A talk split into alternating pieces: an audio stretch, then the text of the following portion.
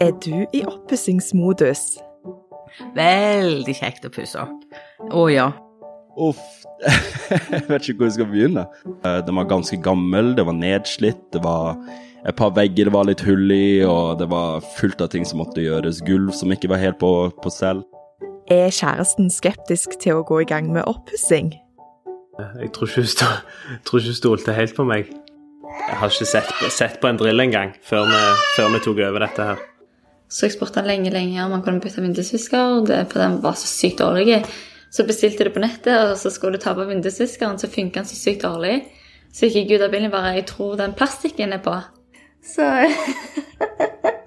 Skulle du hatt litt råd fra fagfolk? Det er krav til dokumentasjon på denne type anlegg. Du skal ha samsvarserklæring, så det skal man ikke røre. Hadde det vært fint med noen kjærlighetstips fra en parterapeut? Og det er egentlig det en parforhold er. Det er hverdagsliv. Og så hive inn oppussing samtidig. Men at du kan smile, at du kan snakke når du holder på, at du kan ta en liten pause sammen. Bate feirer 75-årsjubileum med å dele historier om å skape et hjem. Hør oppussingsmodus på bate.no, eller der du ellers lytter til podkast.